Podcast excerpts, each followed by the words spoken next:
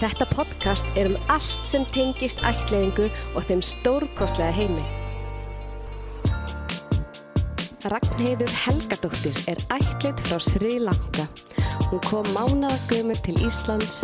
Hún segir frá sinni sögu á samt hennar vegferð að eigna sparn sem hefur alls ekki verið auðveld leið.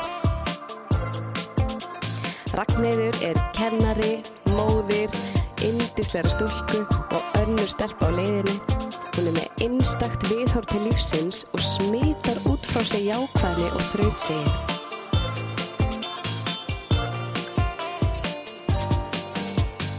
Ragnheiður, verðu hjartalega velkomin til mín í spjall.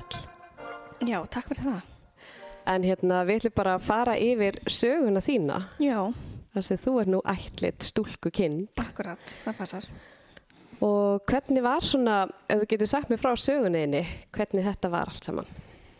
Uh, já, ég er hérna ættið frá Sri Lanka og kem hingað til Íslands uh, 1985 í júni, 27. júni, þá hérna kem ég hingað til Íslands. Uh, og ég veit svo sem veit ekkert eitthvað svakalega mikið um kannski söguna þannig. Það var bara, fóreldra mínir hérna sækja mig og, og þau voru svo heppin að fá tvö. Í Svo- einu? Tvö í einu. Aha. Já, það týðkaði svolítið á þessum tíma, Vá. þessum árum áður, Já. þannig 1984, 5 og 6, Já. að mér minnir, já. Þannig að hérna, þau fengu mig og svo bróðið minn líka. Ok, var það þá að þau voru búin að sækja um pappýra á þeim tíma og fóru svo út og þá bara voru þið tvö eða vissu þau að þau myndi fá Ég, tvö? vistu það, ég bara mann það ekki alveg. Nei, Uh, ég held að þau hafi nú vitað að þau væri að fá tvö. já, Mér minnir það. ok, vá. En- og en hvað voru hérna- gömul? Já, ég var hérna mánagumul þegar ég kem hingað Vá, og bróðið minn þá þryggja mánada. ok, já. Já. hann er aðeins eldri. Já, það eru tveir mánuðar að milla okkar. Þannig að þið eru ekki blóðtengd alsískinni? Nei, við erum það ekki. Við erum það Vá, ekki. En vissulega fætt sama ár. já, pældi því. Mm -hmm. Og við erum svo alveg upp eins og týpur bara. Já.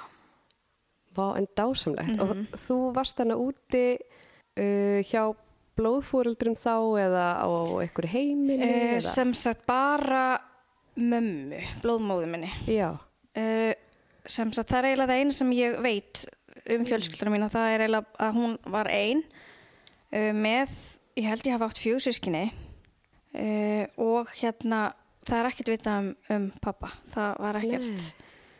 kemur ekkert fram á neinum pappur Mhm. um hver hann er eða, eða hvort hann hafi verið inn í myndinni eða hvað sko.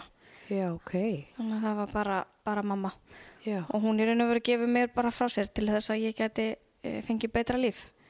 vá, já. Já. Sem er mjög fallegt. það er það. Já. Vá, en magna. Ég er Mhm. alveg bara svona amazed, bara, þú er dásamlega saga. Þannig að hún gefið þið frá sér og réttir fóreldriðinum þig. Já, í raun og veru. Þau meira þess að Vá. hitta hann sko. Og það er svona Shit, það svolítið er skrítið að svakalegt. vita til þess og einhvern veginn. Já. Já. Og þau hafi hitt blóðmömmuðina, Já, mhm. en já, þú manst náttúrulega ekki eftir því. Nei. Þannig að pínu, pínu ponsu. Já. Ég Vá, var svona hvernig fannst þeim það? Vistu það? Nei, sko, ég held að þau náttúrulega hafi bara verið fyrst og fremst alveg óbúslega þakklátt. Já, Ég, hérna, get ímyndað mér að það hafi verið svona tilfinningin þeirra. já, Náttúrulega sjálf búin að ströggla í, í, í mörg ár og að reyna að eignast börn, sko, þannig að, já. Vá, það er ekki til stærri gjöf sko. Ég Nei, bara svona- nefnilega ekki. Úff, reyna að ímynda mér þetta að blóðfóreldri sé að rétta manni mm banni sko. Ég er bara fyrir að gráta Já. líka við að hugsa um það. Það Akkurat. er svakalegt. Já. Og bróðiðinn, hann er þá með aðra blóðfjölskyldu Mm og það var, var það líka svona eitthvað sem að réttu hann eða var hann þá á heimili? Nei, ég held að við höfum verið bæði, hérna, bæði bara hjá mömmum okkar, sko. Já, og hvort að það sko hafi verið einhver, einhver starfsmaður Mhm. þarna sem að sér þú veist, um þetta ætlaðinga ferli einmitt. sem að hafi svo bara verið þarna milligöngu maður sko, það er Mhm. Já. ekkert, ekkert ósannlegt að svo hafi verið Já, ok. en hann, sko bróður minn átti eða ásast einn bróður þarna úti Mhm. sem að við vitum af Já, sem er albróður hans. já, En þú veist ekkert um allsískinni þín? Nei, ekki Nei. neitt. Hefur eitthvað að vera að leita? Já, sko, við eigum, já, pappira, Já. alveg nóg af þeim. Fóreldrar mínir söfnu, voru, er að það er til eru svona tvær möppur Einmitt. bara um ferlið okkar, sko. Þannig að, hérna, þau voru duglega að samkaða sér öllum svona brefum og lækna skýrslum og, og dómsúrskurðum og svona allt sem þurfti í, í þessu ferli á þessum tíma. Og þetta á ég allt og ég fer alveg reglulega svona Já. og kiki á þetta Ok. og þar er mitt stendur hérna, standa nöfn sískina minna en Já. ég hef einhvern veginn ekki ekki svona verið að kannski að skoða mikið sko og ég veit ekki hvað ég ætti að byrja ætti maður bara að fara á Facebook eða Já.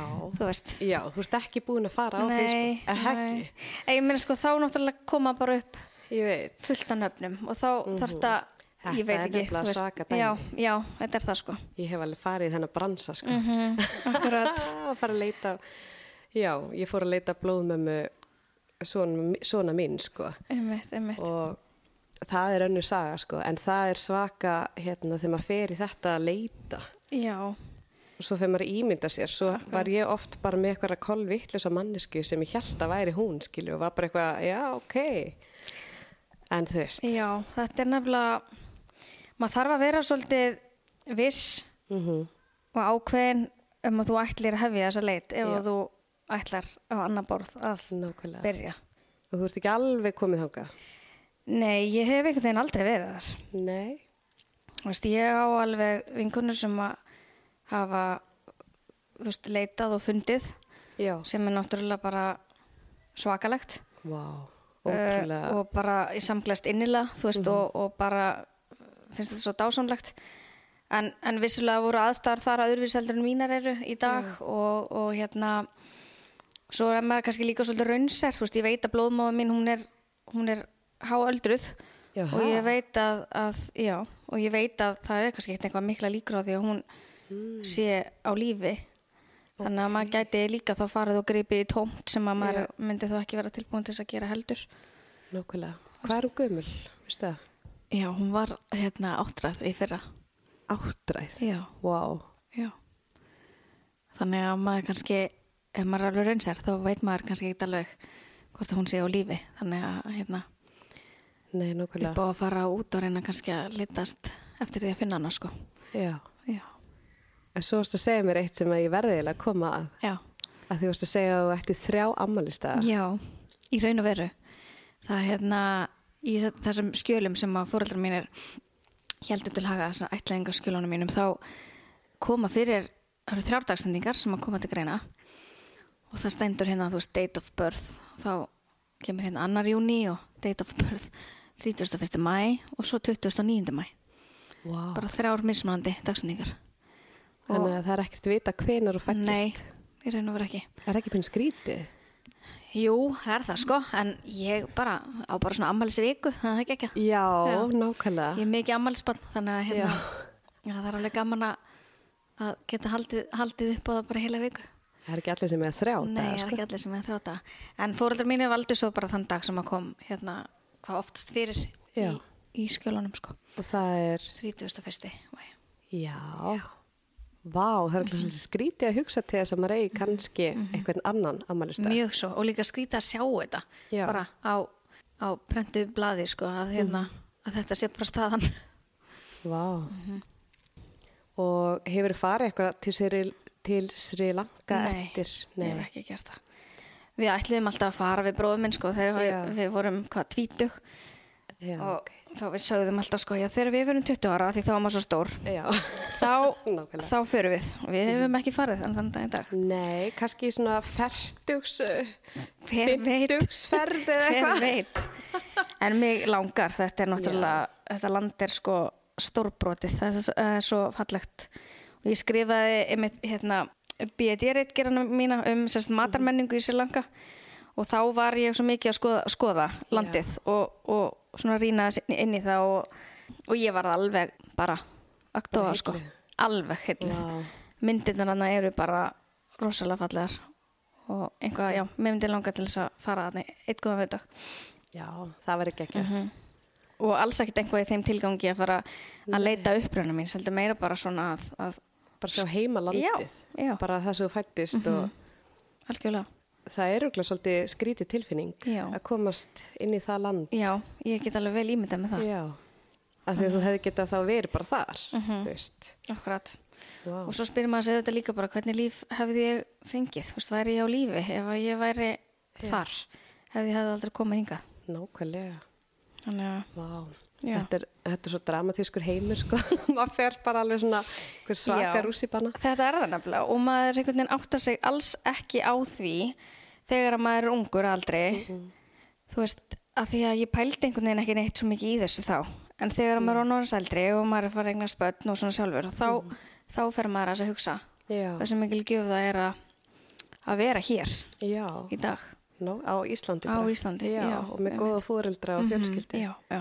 Vá, Algjörlega, þetta er bara algjörlega, þetta er ómetalegt. já, Já. algjörlega. Og hvað hérna, þið komið heim til Íslands og þú þannig lítil, pínu lítil krú. Já, ég var alveg svakalega lítil, sko. Ég var held í 46 cm eða eitthvað.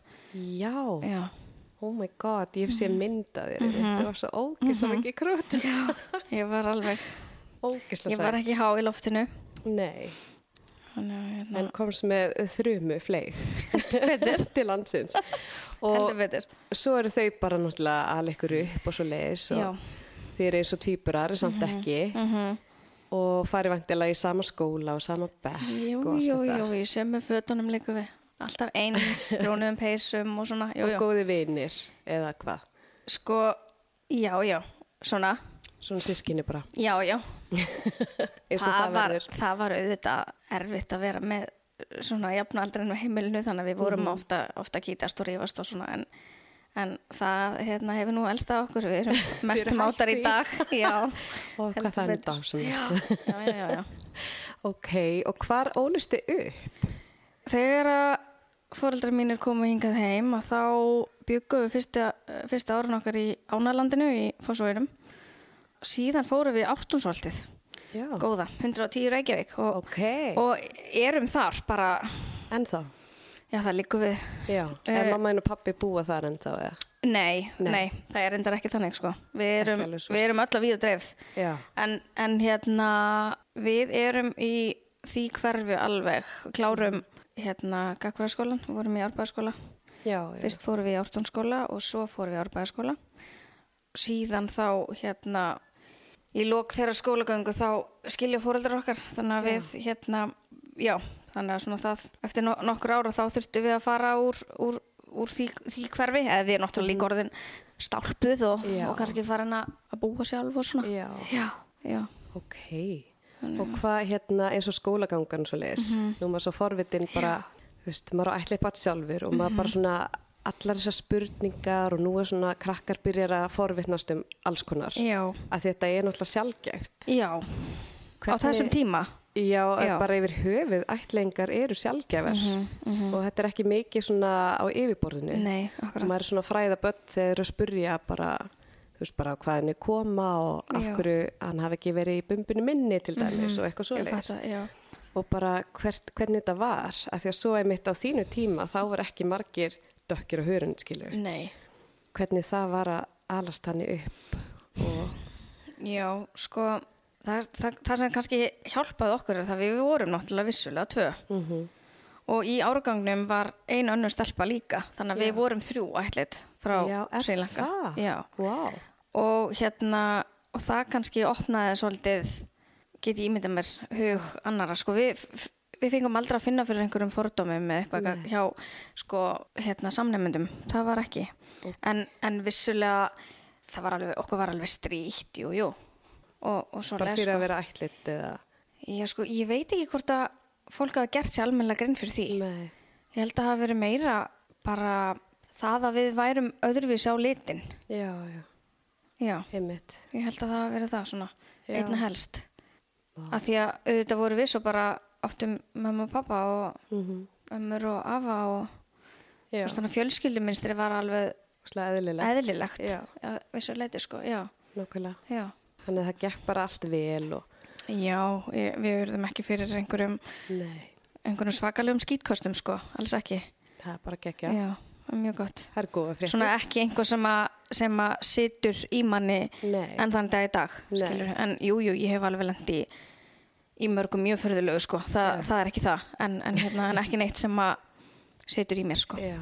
þannig að já, fyrir það er ég mjög þakklátt af því Já. að, að maður hefur alveg mm, heyrt og, og séð sjálfur bara Nákvæmlega, alls konar, alls konar mjög leiðilega fordóma Já, og, já. og stríni og einelti út af ykkur svona sem Mhm, algjörlega, að ábar ekki að vera sko. nei, nei, algjörlega En uh, fóreldraðinir, já, já, hvort þú hafir hérna upplifað, upplifað eitthvað svona sérstakar sorg til þess að þú varst ættlit eða að hérna vera ekki með blóðfjölskyldu eða fegst eitthvað svona þegar þú varst lítil bara að þrá að vita eitthvað um fólkið eða nei sko ekki á mínum yngri árum Nei, En svona þegar leið á, þá um, þegar ég fór að, þegar hugur minn fór að reyka til Sri Lanka og ég fyrir að hugsa um hvaða aðstæður blóðmóði mín var í og, og bara, já,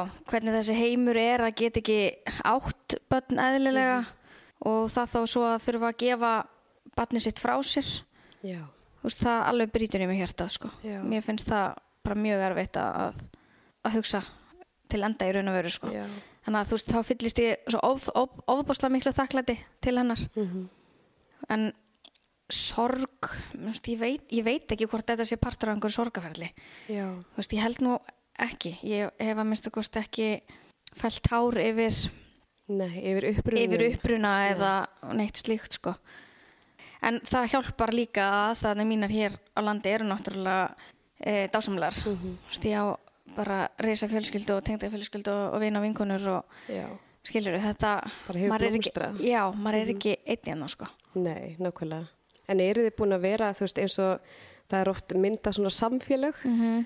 bara þessi heimur, Mhm. Já. það svona tengist fólki sem að hefur upplifað Já, svipað. jú, algjörlega og, og hérna, svona þegar við vorum yngri þá voru, voru foreldrar okkar allra þessar barna eða Mhm. mm. allavega mjög margar, mjög duglegir að hittast Já, fara saman á, þú veist, í svona, á ymsa viðburði, þú veist, útilegur og, og svoleiðis Mhm. og, og jú, jú, við heldum alveg, hérna, höfum alveg haldið, haldið hópin, sko, Já. svona, einhverjir og einhverjir. fannst þér að vera svona eitthvað sérstök tengsl við aðra ætlita einstaklinga eða bara, þetta er Sko, bara við vinir? horfðum aldrei á, á þetta sem eitthvað, bara, hei, við erum meina ætlita fólkið og þið eruð, Þið eru ekki þetta var ekki, ættleitt fólk. já, þetta var ekki svona eitthvað aðgreint, sko, en, Nei, en það var bara mikil vinóta og, og gaman að vera saman, sko. Einmitt. Já, já.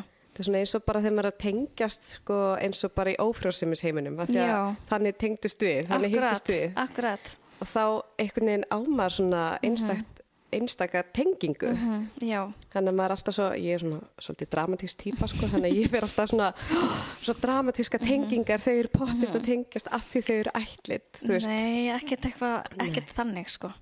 En það er náttúrulega líka bara svo mismunandi viðhorf Mhm. gagvart þessu. Þú veist, sumir hafa rosalega mik mikinn áhuga á því að fara og finna og leita af sínum uppruna, menn aðrir hafa það ekki. Mhm.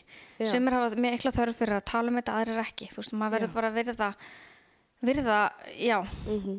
bæði, bæði sjónamið sko. nákvæmlega En við höfum aldrei rættið eitthvað mikið sko, Nei, alls ekki. þið fjölskyldan þá eða Já, og bara þessi hópur, Já, já, já, þú veist, já, Nákvæmlega. já. Jú, jú, við fjölskyldar ræðum þetta svo sem stundum, sko, en, já. en ekkert eitthvað, Þetta er bara svona eðlilegt já, já. Alltaf alin upp í þetta já, sé bara Já, þú veist, þú við þekkjum ekki neitt annað, þetta var aldrei neitt fjölulegur. Nei. Við bara vorum ætlætt og, já, Já, ok, bara flott, geggjað. og svo fekk maður að vita af hverju setna mér, þú veist, Já, bara, já, nákvæmlega. Það er Mhm. bara langt best að hafa þetta allt á yfirborðinu og einmitt, við Já. kennum okkar strák og svona skömmtum upplýsingar bara við hæfi Við hvað hann er hæfi. gamall og, Algjörlega, algjörlega. og þegar maður færi þessar spurningar og frá vinum og svo bara hafa þetta allt opið já, já, og bara hann var ekki hjá mér að því að mér bilaði bumbu skilur já, og ömmit, bara ömmit, þannig að það er bara dásamlegt að því í, á þessum tíma var líka stundum svona var maður að heyra að fólk var að fela Mhm. en það er kannski ekkert hægt að fela því þessu ætlit meðan þið eru alveg með sikkur litin sko. Nei, það var kannski pínar það væri sko. svolítið Já, það pínar mikill felileikur Já. þar. Það var held ég aldrei, já ég held að það hafi bara aldrei verið möguleiki Nei, ekki og séns. ég held að þegar þú ferð út í svona ferli, þú getur ekkert lengt þessu, þetta er svo svakalegt ferðalag. Já, Tala nú ekki um andlega ferðalagi sem að maður er í, í svona, jésús. að þá hérna held ég að, að ef að þú átt bara að halda sönsum sko, þá verður bara að geta talað um þetta. Að sjálfsögðu. Og- Það er heilbriða leiðin. Já, algjörlega, það er það. Það er þann sko. Núna, er þú móðir? Já, það er rétt. Það hefur verið rússipanni. að Það verða hefur verið móðir. rússipanni, já, heilmikið. Þau segja mér eitthvað frá því. Já, um, já, við vorum alveg í, ég og maður minn alveg sjö ár að reyna að eignast stelpun okkar. Vá, sjö ár. Já, og, og þú vilt nú ekkert kannski trúa því að það sé eitthvað að, þú vilt nú reyna, reyna Mhm. allt áður en að þú snýr þér að þessum, hvað ég segja, óhefbundnu leiðum. Já, að fara í eh, svona að fara- glasa eða Að fara í svoleiðis. Mhm. allar þessar meðferðir sem ég búið eru, já. Hvenær tókuðu ákvörðin að fara í, í svona meðferð? Mm, ég held í kringum 2016 Já. 2016 fórum við í fyrstu, fyrstu Ókei. meðferðina eða kannski var það 2015 því við förum Já. fyrst í svona það sem kallast hérna uh, tæknisæðing Mm -hmm. uh, þar sem að bara sæði er í raun og veru sprautað í mhm. sprautað upp uh, á svona réttum tímatíðringsins hún gekk ekki og þá var svona ákveðið að fara í, í aðeins svona Já, meiri meðferð sko meira þá, hardcore. Já, þá pröfuðum við að fara í, í glasameðferð, fyrstu glasameðferðin okkar 2016 Mhm. uh, og hún hefnaðist Ok, og við hugsaum þá bara bara okkur snill, þetta er bara komið skiluru já.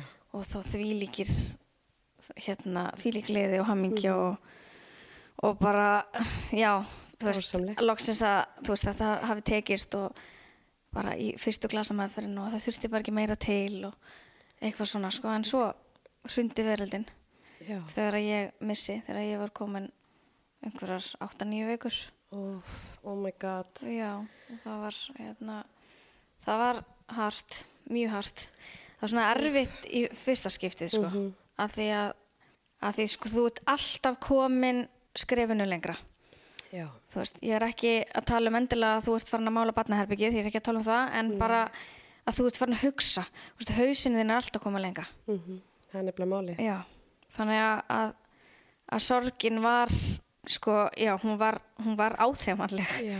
hún var alveg rosaleg og ég, ég er þarna líka stödd sko, þegar þetta gerist þá er ég stödd í starffræðaprófi í Háskóla Íslands Hei, þegar þú byrjar að missa það? Já, bara þegar ég fæ þessa svakalegu verki Nei, og þetta voru bara verkir og blætti. eða Já, hvernig? já, og ég hugsaði bara ef að þú stendur upp og þú ferð út úr þessu prófi kemur ekkert aftur inn Þú veist, ég vissi Mhm. Já. alveg að það væri eitthvað að Og klárar það prófið? Já, já, Nei, kláraði. Jú, jú. Ég Í kláraði að prófa. alvöru? Já, ég veit ekkert hvernig ég fór að því, ég bara, Jesús. ég bara gerði það. vá. Já, kláraði að prófið og svo fer ég þá fram á, s- á salernið og sé að það er náttúrulega alls ekki allt með feldu, þannig að það var bara Jesús, brunað upp á, upp á hérna. á spítalega. Já, já, já. Og þá varstu búin að missa fóstri. Já, og þetta skilaði sér bara út þar sem betur fer, sko. Já. Af því að hérna, þá er í raun og verið engin, engin eftir meðferð, sko. Nei. Þannig að það var líka bara svona reynt, skulum við segja. Já. En það tóku við, tóku við ansi erfiðar, erfiðar vikur og, og hérna Mhm. með svona dass af skilningsleysi hjá mörgum Já. sem að ekki hafa þó gengið í gegnum, gegnum svona, Einmitt. svona sorg sko. Já. Fólk skildi ekki okkur að við getum ekki bara mætti hinn og þessar vestlur eða þú veist, það voru, voru að, hérna, þetta var í kringum jólamánuðin sko. Já. Það var, ok. já. Já, maður fer að forðast alls konar aðstæður Já. og forðast alls konar fólk líka. Já, bara, við vorum bara ekki, við vildum bara ekki hitta fólk. Nei. En svo voru svo margir sem bara tóku það ekki mál og skildi ekkert okkur að við getum ekki bara Já. mætt. Bara þetta er svo mikið áfall og já. mikið sorg. Já, Mhm. maður þarf bara að fá að vera í friði og inn í einhverjum helli bara. já. Vá. Og þarna líka hjálpaði, sko, fóreldra mínir hafa Mhm. veitt mér svo og okkur hjónum svo óbáslega mikinn styrk í Já. þessu ferli. Af því Þau náttúrulega vita alveg hvernig þetta er. Já, nákvæmlega. Já. Mhm. Já. Þau gengur gegnum þetta sama. Já, þannig að það er algjörlega magnað sko. Þau tengja við allar tilfinningar Já. veist, og það er þú veist, þetta er búið að vera svo ómetalegt að hafa þau sko, í þessu öllu. Vá, hvað er gott að fá svona Mhm. góðan skilning frá fólkinu sinni. Já, það er það, virkilega sko. Og örgulega erfitt fyrir þau að sjá litlu stelpunum sína að þurfa að gangi í gegnum þetta saman. Já, ég held að ég, Úf, hérna, þau hafa aldrei sínt mér, nei, sínt mér það sko. nei þú maður er veist. alltaf sterkur En, fyrir ég- börnin sín. já, Mhm. en, en, ég, en ég veit að þetta reyndist, reyndist þeim mjög erfitt sko. Já. Og þau bara svona endur upplifa hluti og svona, þannig að Vá. hérna, eðlilega bara. Maður líka, þegar maður er orðið móðir, þá óskar maður ekki að batnið sitt þurfa að lendi í eitthvað svona Mhm. Nei, svaka erfileg. klárlega ekki sko. Vá, En ég einhvern veginn sko hef einhvern veginn alltaf verið með bara eina sín og það er bara að hafa alltaf jákvæðina að leiðalúsi og það einhvern veginn bara hjálpaði okkur að halda áfram og það var, við förum sko bara fljótlega aftur á stað í næstu glasamæferð en þá hérna kemur annarsjokk, þá sem sagt, við förum í fyrir egg- eggheimtuna og þá bara kom engin egg. það var svona mér mest í ótti að lendi því. Já. Ertu ekki að djó? Sko í millitíðinni var, ég- var búið að segja mér að ég væri með fá Já, egg ok. og ég hugsa ok, fá, það er þá betra heldur en engin. Ekkert, já. Þannig að við bara pröfum aftur og, hérna, og þá bara komu engin egg og það var bara Jésús. annað áfall. Þú veist, Hvernig ég... getur það gerst? Var það bara ekkert til á lagar eða? Nei, bara, þú veist, já. Lagar er tómur. Já, bara eintóm einhver fúlegarna sko, þú veist, þannig að það bara einhvern veginn, já, Ha, já, en að því að maður náttúrulega sprauta með alls konar svona örfandi Jú, jú. drastli og eitthvað. Já, já. En að því að svo hefur verið með egg að því að þú átt börn, eða þú veist. já, þannig að Hvernig Mhm. er, getur þetta gerst? Þetta nefnilega er frekar magna dæmi að það einhvern veginn bara kom ekkert út þannig í þessari, þessari meðferð Vá. og þá, þetta var 2017 og við ákveðum að fara bara í pásu yfir sumarið Já, það er reyna að lifa og njóta. aðeins að reyna að lifa og njóta og hérna og í ágúst 2017 að þá giftum við okkur kannski pínulítið með það í huga að þetta gæti reynst okkur erfitt og við kannski þurftum þá einmitt að horfa til ætliðingar eða eitthvað slíkt Já, já. Þið hafa eitthvað pælt aðeins í því eða? Já, eða svona við allavega vorum búin að leita, svona leita hugan Já. að þetta væri kannski möguleiki og þá væri þá gott að vera búin að- að Gifta sig. gifta sig. Um, en við vorum vissulega ekki að gifta okkur bara til þess að geta síðan ætlit barn, það var nú ekki, ekki pælingin. Nei, en- elski hvort annað líka. Já, að sjálfsögðu. en hérna, e, já, svo er það bara þetta sumar, þá líður mér eitthvað skengilega og ég, ég veit ekki alveg nákvæmlega hvað gerist, en ég ákveði allavega að taka þungunapróf Ok, sem verður svona líka bara blúsandi jákvætt vá. og þannig erum við ekki búin að fara inn eina meðferð eða neitt en oft bara þegar, þegar það er búið að vera að dæla svona, mik- maður er búin að dæla svona miklum hormónum í sig að þá oftast bara, oft gerast hlutinir Já, bara það óvart hugsaðist eitthvað. já, Vá. og við náttúrulega bara sko, Það er bara sjokki. já, já, þetta var bara rosalega sjokk en bara, Vá. Mhm. en því líka gleðin og ánægin og, og svo bara er ég þarna og frisk og hérna og gengin kirkugólu og giftist mannum mínum og Vá. og það er nú hamingja, ég get Já. sagt þér það, þetta er dásamlegt Já.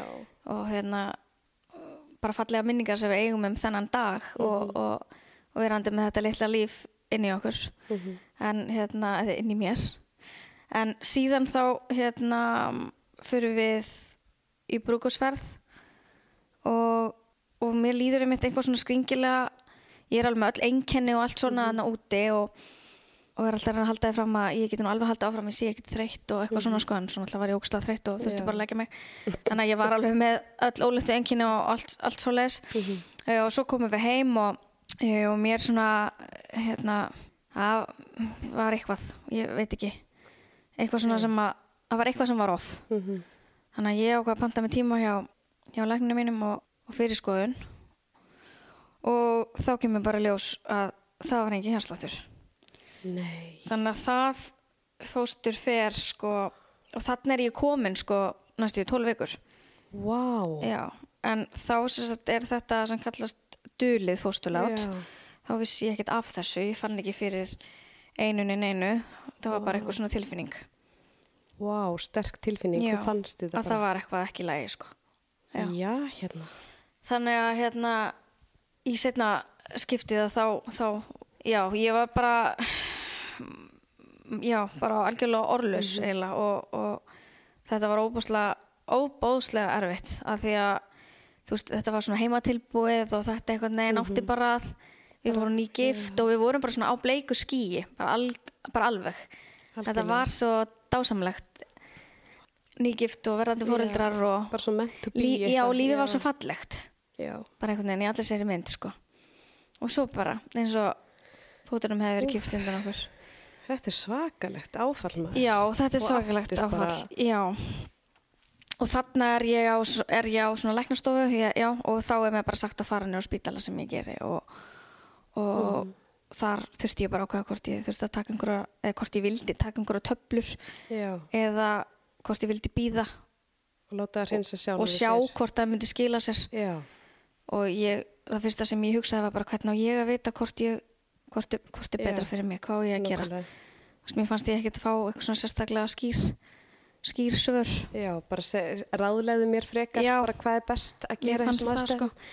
en ég sérst ákveð að taka þessar töflur uh, og það Mhm. svona eftir á higgja hefði, hefði ég alveg vilja sleppa því af því að, Já. af því að svo gekk ekkert að sli- hérna skila þessu út sko Já, ok, þannig að það þurft að skafa og... Ég sérst enda í, ég enda upp á spítala þá sérst situr, það var bara eitthvað mikið að ég fann það líka, þú veist, bara óbærslega mikil sásöki. Já. Þú veist, ég var alveg búin að fá hríðar og, og það, ég var búin að, þú veist, það var eitthvað búið að skila sér en restin festi sig síðan í leghásnum Ok. og það var alveg hræðilega, hræðilega Bara sárt. sárt. Já, óbærslega sárt. Og já, svo lífsreynsla er bara eh, hún er mér alveg svakalega erfið að tala um ég mm -hmm. kem hann inn á spítalan og einhverju hluta vegna þá fær maður minn ekki að koma með inn ég, ég man nú ekki alveg af hverju það var en, en ég fer þannig inn á einhverja skurstofu eða svona einhverja læknastofu Já. og ég heyri það er einhver kandidat sem að skoða mig svo kallar hún bara kalli á lækni, kalli á lækni og eitthvað, og ég, eða kalli á sérfræðing með þessa Mhm, og ég sitt þarna bara með klófið út í loftið sko og náttúrulega mjög hrætt Mm og inn kemur sérfræðingurinn og hann náttúrulega bara sest niður og fyrir að skoða og, og grýpur einhvern álbakka þarna og einhverja tangir og tekur hérna tekur sest, restina út mhm. og skellir því í álbakka fyrir saman andlitið á mér Jésús. Mhm. og svo þegar hann er búinn þá klappar hann mér á lærið og spyr hvort hann með líði nú ekki betur og lappar út Ok.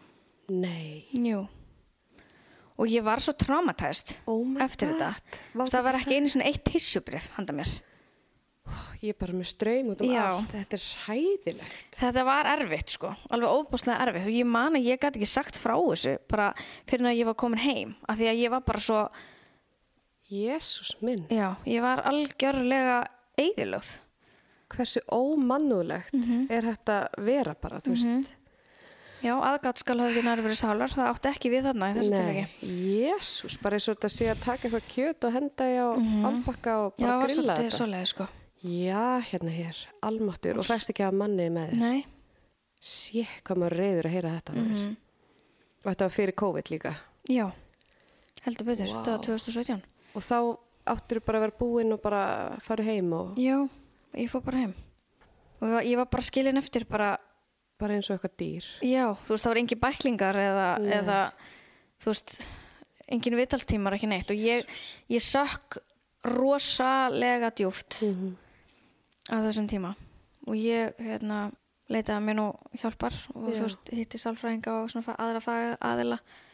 þú veist að því að þarna var maður ekki bara búin að missa eitt heldur tvö á mjög Mhm. stundum tíma og sorgi náttúrulega bara yfirþyrmandi og svo þessi reynsla ofan á allt Einmitt. Þú veist, allar sprautinnar og hormónum með, hormónarnir allir og þetta var bara þetta var bara of mikið, ég réð ekki við þetta Og leitar þá bara til sálfræðings. já, já eitthvað sem og er þá sér hefður í svona. já, það var á, lands, á landsbytalanum hérna, Já. já. En þe- var þér ekki ráðlagt það? nei, alls ekki Mér finnst þeim eitt alveg magna þegar maður er að heyra svona sögur Mhm. að það er aldrei bæklingur, það er aldrei að tala við neitt nei, það er ekki sagt þér hvað það gera Nei, eða hvernig eru að akkurat. líða eða hvað er eðlilegt jafnaði eða eitthvað nei, Mm. ekki neitt og ekki áfallahjálp, það er ekki sálfræðingur maður er bara næst að tala blaði það tók mig alveg langan tíma Já, að vinna bara- á þessu. Ég trúi því. Já. Og ég er í raun og veru bara, það er stutt síðan ég ekki að tala um þetta án þess Bara að án þess að fara að gráta. Já, það er það. Og það er ekki margir sem að Mm. Nei. vita þetta.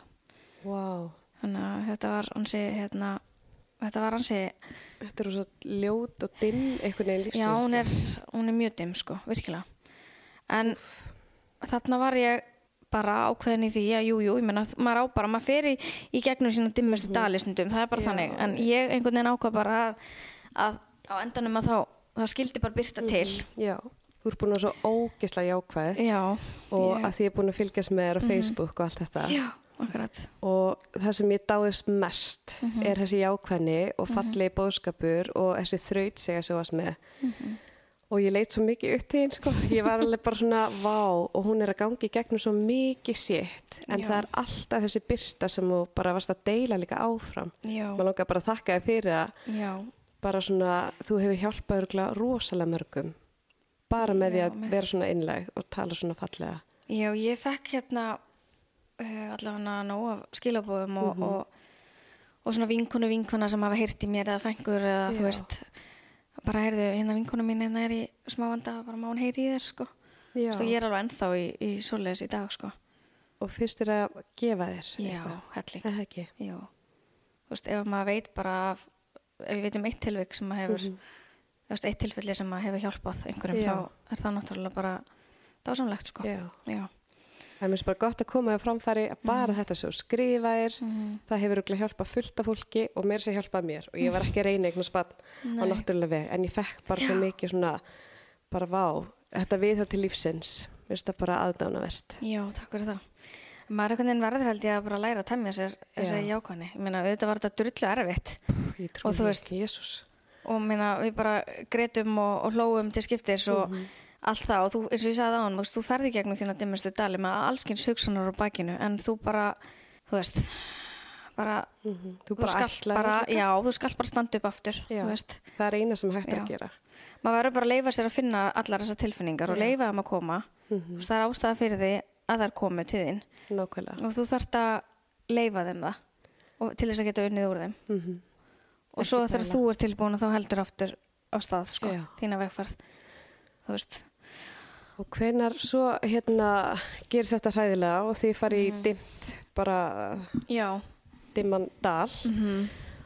og hvenar ákveður svo að reyna aftur? Var Það er ekki svolítið erfitt. Eh, þarna, jú, vissulega mjög erfitt en þarna vorum við bara búin að fá svolítið nóg af því að vera hérna heima í meðferðum Mhm. Já. og okkur, það var búið að hérna, benda okkur á að það væri hægt að fara erlendis Mhm, Eh, þannig að við fórum og, og skoðuðum svona stofnanir öflum okkur upplýsingar bara hérna á internetinu og, Já. og, og svona lásum okkur aðeins til hvað væri svona best kannski okkar stöðu og við vissum náttúrulega að það var í lægi með manni minn en það var ekki mín sem að væru ekki í lægi Já. þannig að við ákvaðum að, að það væri rálagt að fá gjafegg Mhm. um, og sérst, í, u, sko, já, í upphafi á þessu ferðlöðli hjá okkur þá og vorum við búin að skrá okkur á svona gafækja lista Já. hjá Livjó hérna heima Ok. á Íslandi og mér minnir að eftir að ég missi í setnaskiptið, já, að þá hafi verið hringt í okkur og okkur bóðið egg Mm. en ég var bara Ekki tilbúin. ekki tilbúin og, og við vorum náttúrulega þarna líka vorum við búin að vera að skoða og leita önnum með og vorum til dæmis búin að sjá að, að Erlendis er hægt að fá gjafaðeg frá konu sem að er af indverskum uppruna Já. og ekki að það skipti mig einhverju sérstöku, sérstöku máli að barn mitt væri dökta hörund Nei. að því að ég er það Mm -hmm. menna halló, þú veist, ég var bara hvita fóreldra, skilur við, þannig að það, það var ekki málið, en það var bara af því að það var hægt Mhm. að þá, einhvern veginn vildi ég það frekar, Já. þú veist, að vera með þá að þá fengi barnið þetta miðjarhafs útlit Það er líka ógæðislega gorgeous. Já. Þannig að það bara gekkja. og það, það skemmt ekki Já, fyrir það skemmir ekki fyrir. en hérna, en hérna heima sko, þá ertu bara, það er ekkert verið að spá í hvernig magiðin lítur út eða hvernig þú lítur Nei. út eða hvort það sé verið að reyna að, hérna, að reyna að finna einhver svona sem Mhm. að líkist manneskinni sko Nei, það er bara eitthvað ekki í röðinni og þú já færð já. bara eitthvað. já, já, já, Já. það var líka bara svona svolítið okkar hérna upplöfuna þegar við neytum að þá gáttu þau ekki hend okkur nú, nú hérna fljótt út sko einmitt. þú veist og ég veit að ég er ekkert einum, ein, Nei, einum þá skoðun Jesús, sko Það er Já. náttúrulega önnur saga. það er tala önnur um saga þetta já, Fyrirtæki, sko. já. þannig að við ákveðum að fara til Alicante okay. stofnun sem heitir uh, Vista Hermosa Já, og viðmóti þar úti wow, þetta er bara bara svart og hvitt. já, bara Maður er búin að heyra þetta, já, sko. þetta er bara rosalegt Það er Þú líka sest- bara svona alvöru dæmi. Þú fer Já. bara herbyggi og Já, já. rúmjafnvel. já, já, og þú bara sest hérna á móti læknunum og, og nú er verið að tala um bara þig já, ok, nú ætlum við að snúa þér snúa okkur að þér og þá er Já. það að benda manni minn og bara þú þarft að gera þetta, þetta, þetta, þetta svo er farið aftur til mín, já og það þarf að gera þetta, þetta, þetta þú veist, það er bara svona svo óbúslega gott utanumhald Já. uh, frá upphafi til enda Vá. og við sem sagt, þegar við komum hana þá bara þá sagði hérna kona sem tók á mót okkur bara ég veit alveg nákvæmlega hvað að gjafa ég ætla að finna hann til ykkur Þú veist, við mögum ekki velja sjálf Nei. það má ekki sem er pínu skrítið af því að ef að ég væri að leita mér að sæði þá mætti ég Já, mætti velja að fletta í ekki bæklinum. flett í bæklingi hérna, eftir einhverjum sætum gæja og Nákvæmlega. valið hérna, já. en, en það má ekki þarna um, Ok. þannig að hún sem sagt já, þessi kona fann, fann fyrir okkur og svo hefst bara sú með ferð og, og þetta var í við förum fyrst út í ágúst 2018 Já, í svona viðtal og svo les og meðferðin á sér stað sérst hérna heima sérst lifja meðferðin og, og sprautunar og, og öll, öll svo gleði já, nokkulega. uh en Dásamlegt. hún svo, já, bara svo fyrir við út í oktober Mhm. það sama ár og hérna og upp fara tvö tveir fóstuvísar uh, sem að varð reyndar bara að einum en, en, Já, en það þarf ofta ekki meira til þannig að ok. Þannig að, hérna, að við, já, áttu, eignum svo dóttur okkar í júli 2019. Já. Og það hefnast allt bara dásamlega. Já. Gekk vel. Já, mjög svo. Vá, hversu dásalegt. Já, þetta var bara magnað augnablik að fá hann í fangið, algjörlega Í. magnað. Þú veist, Það maður búin að vera að reyna svona lengi og svo allt í einu. Já. Eftir alla þessa Úf. ferð, að þá er, þá er, hérna, ferði barnið, barnið sitt fangið, sko. Svo ótrúlega tilfinning. Mm -hmm. Vá. Það er það. Hvernig hérna meðgangan, varst eitthvað smeyk Já, að því að þú hafði mist tvisar? já. Og varstu bara stressuð allan tíman eða náður að Nei. njóta eitthvað? Já, já, ég náði alveg að njóta. Ég er svona þegar að ég var komin yfir 12 vikunar, Mhm. þá leið mér betur. Já. Svo þegar ég var komin yfir 20 vikunar, þá leið mér enn betur. Já. Þetta eru varstu svona bara milestones, já. Um, og það var líka bara það, þú veist, ég var alltaf með það, hérna, að leiðiljósi líka að það var kona þarna úti sem sagði bara, bara stay positive because this treatment usually works. Já, ok. Og þetta er bara lína sem að ég gleym ekkert.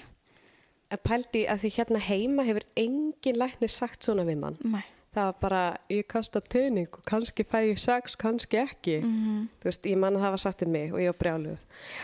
Vá, wow, Einmitt, þetta já. Mhm. er ótrúlega fallegt að segja þetta. Já.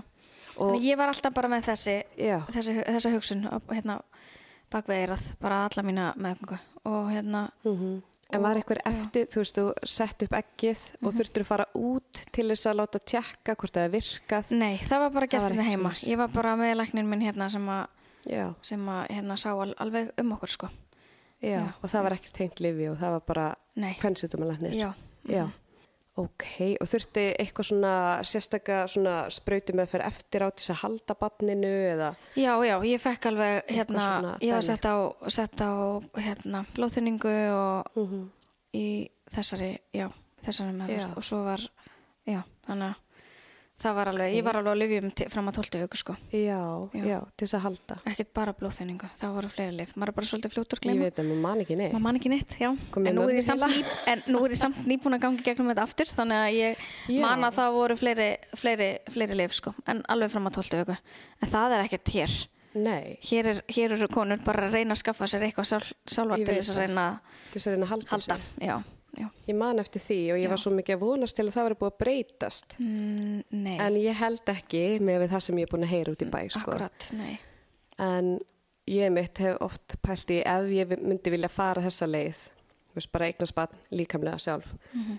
þá myndi ég fara til útlanda og maður er búin að heyra um nokkur lönd þegar Já. ég veit að Prag, Já, Spán, Grikk- já Greikland, Gríkland Tékkland, já. já, einmitt en já, þú ert óleitt núna Já, þessu sæt mm -hmm. komin, hvað, ég er 20 komin í 29 vikur og núna. nýju vikur Já. og fóruð þá aftur út til Alicante já, það var svolítið magnar vegna þess að við, við ætliðum okkur ekkert endilega að eignast annað barn.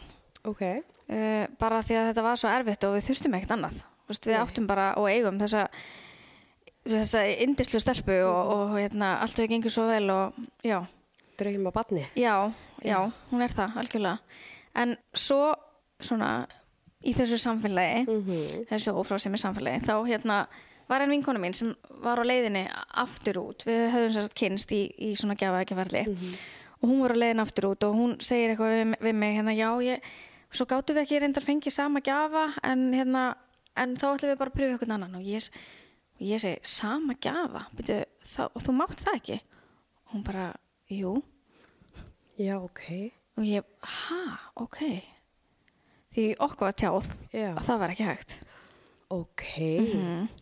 já, þannig að þegar við heyrum af því að það hefði verið möguleiki að fá sama gjafa og þá eru börnin allsískinu og allt þetta já, og enn og aftur það hefði ekki skipt neinu máli Nei. af því að ég og auðvitað bróður sem maður er ekki blóðskild mér sko en hérna en það var eitthvað fallegt við þetta yeah. við fórum eitthvað aðeins að grenslast fyrir og sendum fyrir spurn út og svona og þá var gjafin okkar bara ready ok og til ég að gera þetta fyrir okkur áttur wow, Þannig ógstlega að- meant to be já, veit örlögin og þá svona vorum við bara já, ok, býtu, wow, hvað erum við að tala um hérna og ákveðum að slá til Mhm, og hérna uh, við sendum hann að sérst í meðferð 2020 og ákveðum síðan sjálf bara að frista okay. ekkin okkar mm mhm.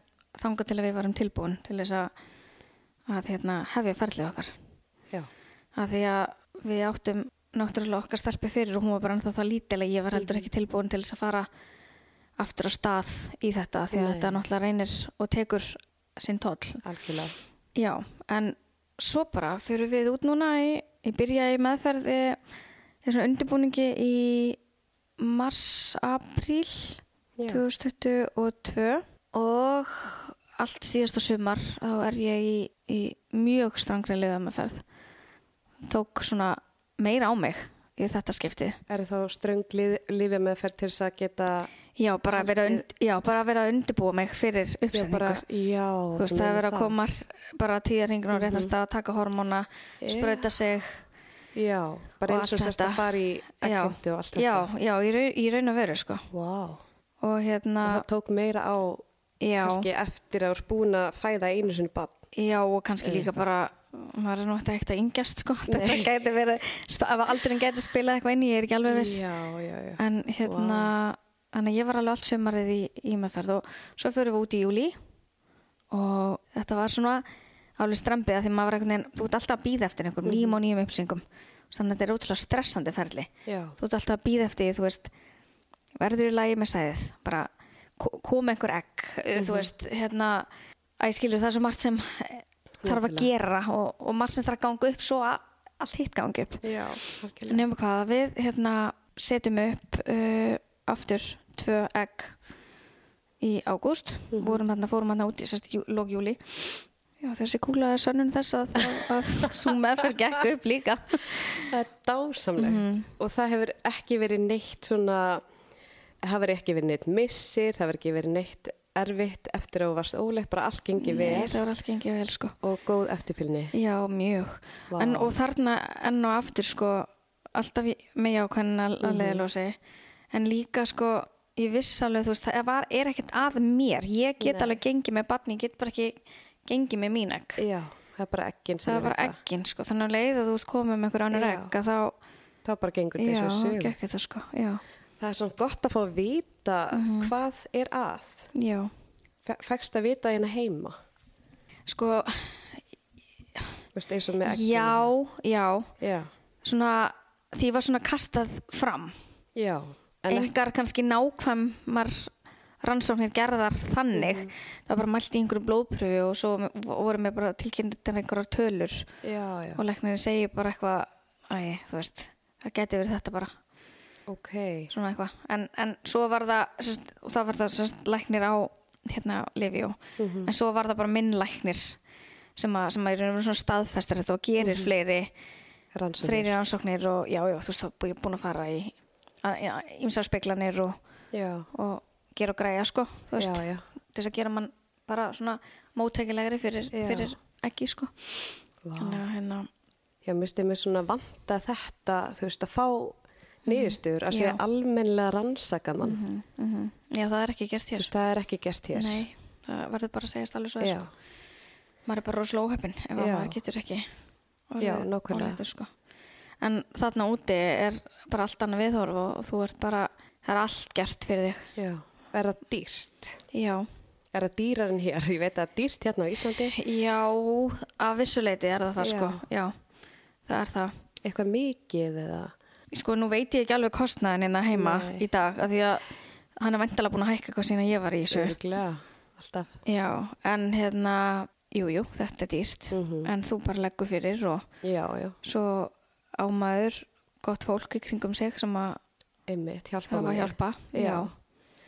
Já, ég mani mitt þegar við fórum í glasa þá held ég að við kostaðum 600.000 sko árið 2013 Mhm, já, þetta er tölvöld dýrara þannig að þú veist, kannski upp í milljón eða eitthvað í dag já, hérna heima og hvað Já. það úti örgla já að því Aðeins þarna meira. líka borgaru sko, þú við borgum alveg fyrir gjafan okkar sem að Mhm. fyrir akkjöndina og svo borgaru fyrir þú veist, allir lífjakostnaður Já. þú veist, og meðferðin sjálf nákvæmlega mér minnir þetta hafi verið í kringum svona hvað, bilinu 13-1500 þú sem Já. kannski eitthvað svoleiðis og hverrar Já. krónu virði já, allan daginn allan daginn Já. Vá. það Svo er get- mitt, maður pælir ekki Nei. peningum í þessu sko Nei, maður gera það ekki, sko. Og hérna, og ég bara ákvað frekar að kaupa dýrar lif úti heldur en að vonast til þess að einhver samheita lif eru til hérna heima. Ég var bara, nei, þú veist, við bara kaupum þetta þá þú Eh. að kostum 100 áskall, sko. nákvæmlega Þú veist, að því í stóra samhengingunni þá er, þá er 100-200 úrst ekki mikill peningur, sko. Nei. Þú veist, það er bara þannig. ekki þegar maður fæði draumi sinn upp Nei, akkurat. Vá. Já.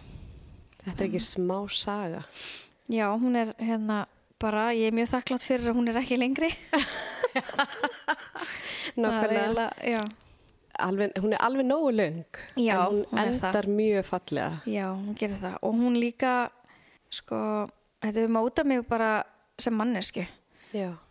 að ganga í gegnum allt Svona þetta erfiðleika. Já, já, hefur geta ímynda þér þegar maður er svona ungur og Mhm. maður er byrjað með manninu sínum og svona og maður er að plana framtíðina hefði, hefði þetta órað fyrir þér nei, að lendi ykkur svona nei þetta ekki af því að það gerist alltaf fyrir einhvern annan en ekki Mhm, mann sjálfan þú veist. Já, og þú bara eitthvað neginn þú veist, eðli samkvæm, það bara átt að geta eignar spönd vennilega já, þú veist, þú bara, þú þarft ekkert að ganga í gegnum þetta, skilur nei, nákvæmlega fast er ekki pínu erfitt að vera bara kona er samt ekki uppfylla það að vera kona Jú, og bara innmannaleikin sem Mhm. að fylgir þessu er alveg Já. hræðilegur og skilningsleysi hjá mjög, mjög mörgum. er það skilningsleysi hjá þeim sem hafa ekki gengið Já. í gegnum þetta Já, 100%. finnst þér að vera mikið þannig Já. ennþá Mhm. Já, já, það er það alveg. En til dæmis bara þeir píslar sem að ég hef látið frá mér eru ekki síður til þess að upplýsa aðra, nákvæmlega þú veist. Nákvæmlega. Og ég tel það bara mjög nöðslegt af því að ég hef alveg þurft að Mm já, mæta mjög miklu skilningsleysi, sko. Sem er ógeðslega erfitt Já. ofan í ofanálag, sko. Mm Vá, að þetta er svo viðkvæmt. Þetta er rosalega viðkvæmt og hérna og þú sko, það er kannski fólk mér sem, sem sko, að ég afsaka sem spyr sig, neð spyr, spyr mann segi Mhm. ég og veit samt að þú getur ekki eignarspann eðlilega, Mhm, þú veist og, og er kannski bara búin að fylgjast með manni í þessu öllu þú veist og maður hérna hendir í eina mynd með einum óafung koktel og þá færðu bara skilabóð, þú veist, ertu ólétt Já. þú veist, eða bara já, eða þú veist að maður er bara spurður bara ertu Já. óli, eða þú veist ég bara skil þetta ekki alveg Nei. að því bara ekki undir neinum kringumstæðum þá bara átt að spurja konu að þessu Mm -mm. þetta er eiginlega bara eitthvað sem þú mátt ekki gera Já. Já, Því þú veist aldrei hvort að konan var að ganga í gegnum. kannski ertu nýbúin að missa Akkurat. Akkurat. Mhm. eða bara whatever sko já, jésús Já. er þetta sárasta spurningin Hún var það. mm En, en núna, núna, náttúrulega ertu augljóslega ólétt. núna er ég, núna en er ég ég er bara að auðvitað pæla ertu ólétt En það er líka bara sko hún var það en, Já. en eins og ég segi, þú veist, svona reynsla móta mann og hún gerir mann sterkari fyrir vikið Mhm. núna líka bara svara ég fyrir mig Já. það er svolítið svo les án þess að vera maður læri kannski það dónaleg en maður bara lærir að, að, að maður lærir hvernig maður á að tækla þessu spurningar mm Eh, þær geta alveg verið erfiðar og sérstaklega minna við förum, við eigum okkar hérna, okkar daga þú veist, stundum Já. Mhm. erum við bara sál, hérna, gl- glöð og, og stundum erum við bara ópsla leið og, já, og, og þá er Viðkvæmari svona, og- já, við komum allt þetta og þá eru þetta spurning sko á hvað daginn, þú veist, þessi spurning kemur upp sko, nákvæmlega en í dag nei, ég, eftir ég fór að ræða þetta mm opinskátt þá bara, já fast er ekki mikill léttir jú það var það Ég man bara þegar við sjálf byrjum að opna fyrir Já, ófrjósemin okkar já og alltaf bara tala um þetta Mhm. og skrifum þetta. Það er bara eins og ég hafi frelsast. Mm Mhm. -hmm. Það var svolítið það var svoleiðis. maður ekki að fela sig af því að við vorum að fela okkur alveg svakalega. Mér fannst Já. það svo mikið skömm Já, og þessar spurningar hef bara nýst inn í hjarta og Mm. svo maður að fá alls konar skýta komment bara mm. er hann getulaus eða hvað virkar ekki raskat hjá okkur og ég aldrei eftir að koma í batn og Mhm. eitthvað svona leiðinda komment sem við vorum að fá Mhm. sem að maður kunni ekkert að tækla og bara fór inn í skél Mhm. og svo þegar maður byrja að opna fyrir þetta þá bara fólk bara bara hjælt kjátti já, og bara svona þetta er engin smá þetta er rosalega erfitt þetta er að það. vera í þessu Já. Og ég held líka bara að þegar ég var búin að skrifa bara fyrsta pistinin, ég man nú ekki Mhm. hvernig nákvæmlega ég gerði það, en það, það var rosalega erfitt að íta á post, sko. Já. Já, þetta er Þú veist, stressandi. Þetta er stressandi. en ég hef alltaf að mætt bara mikil í jókvæmni og, Mhm. og, og stöðningi, þú veist. Já, Og sko það sem kannski líka gleymist í þessu, það er maginn hans já, sem að má ekki vannmeta. nákvæmlega. uh, að, því, að það er ekki bara ég það Mm. var ekki bara ég sem að var að missa, Mhm, Nákvæmlega, það er þið bæði. það voru við bæði Mm -hmm. þú veist, fólk tæklar þetta á mismunandi ma- á mismunandi hátt Mhm. það er þetta bara, hérna, segir sér sjálft við erum Já. alltaf tvær ólíka manneskjur og hérna, en við rættum þetta alveg fram og tilbaka og þú veist, ég svona auðvitað bara sagði frá því að, að, hérna, að ég var með þessa vangaveltur og mér langaði að koma þessu frá mér Mm -hmm. og hvort Það að spurðir hann áður en að fara að posta. Já, já, maður verður að Já. gera það. Ég, að því þú veist, þannig er ég ekki bara að opna líf mitt, ég er Nei. líka að opna lífið hans, sko. Já, En hérna, hann var alveg til í þetta. já, ég veist hann allan sagði ekki nei, ég getum orðað það þannig. en hérna, en þetta er bara svo holt að geta Já. rætt þetta og tala um þetta og, og hérna, þetta hefur bara hjálpað bæði Mm. mér og svo mörgum öðrum, sko. Nákvæmlega, að Já. þetta er engin skömm og Nei. það er svo margir sem eru að díla við Nei. Málið er bara að það á enginn að þurfa að bera harmsinn í hljóði, Nei. í þessu, sem og öðru. þetta. Nákvæmlega, Það er bara þannig. það er bara algjörlega Þetta er málið. bara ótrúlega nöðsulegt að, að ræða þetta og Mhm. líka bara svo að fólk mæti ekki þessu skilningsleysi sem að, sem að er bara mjög ábyrrandi enn þann dag í dag og í samfélaginu okkar. Já, maður held Já. einhvern veginn að þetta væri komið aðeins lengra en þekst svona að það maður haldi sig á lofti. Já, það skiptir miklu máli. Já, og Já. þegar maður er tilbúin að vera opinn og tala um þetta, þá bara gera það endilega. Mhm. Algjörlega sko. Og nú er þetta svona að fara að koma að lokum. Við erum búin að tala, gæti tala endalist um þetta. Það nefnilega getur það er það. bara svona Já. sekku sér inn í þetta. Já. En er eitthvað sem maður langar svona sérstaklega að koma á framfæri? Eitthvað loka orð? Mm, sk- Bara, ertu að meina þá fyrir fólk sem að stendur í svona ströngu? Já, ba já bara almennt. Bara whatever. kannski bara það að, að hérna að ef að, já, ef að fólk er í þessari sömu stöðu og, og ég og þú hefum verið í að þá hérna er, er allavega mjög gott að vita af því að þú ert ekki einn í þessu það er til heilt samfélag Já, af fólki sem maður getur sem maður getur þú leita til og hægt er, getur hjál- hjálpað og, og bara, já, ekki bera harm, harmðin í hljóði ég held að það sé séu svona ágætis loka, loka orð já. hmm, Æðislega. í þessu Það er dásamlegt að fá þig. Já, takk hella fyrir að bjóða mér. Það var var mi- virkilega gott spjall. Já, það ekki, Jú. gott trúna. Já, gott rúna. Takk fyrir. Takk fyrir mig.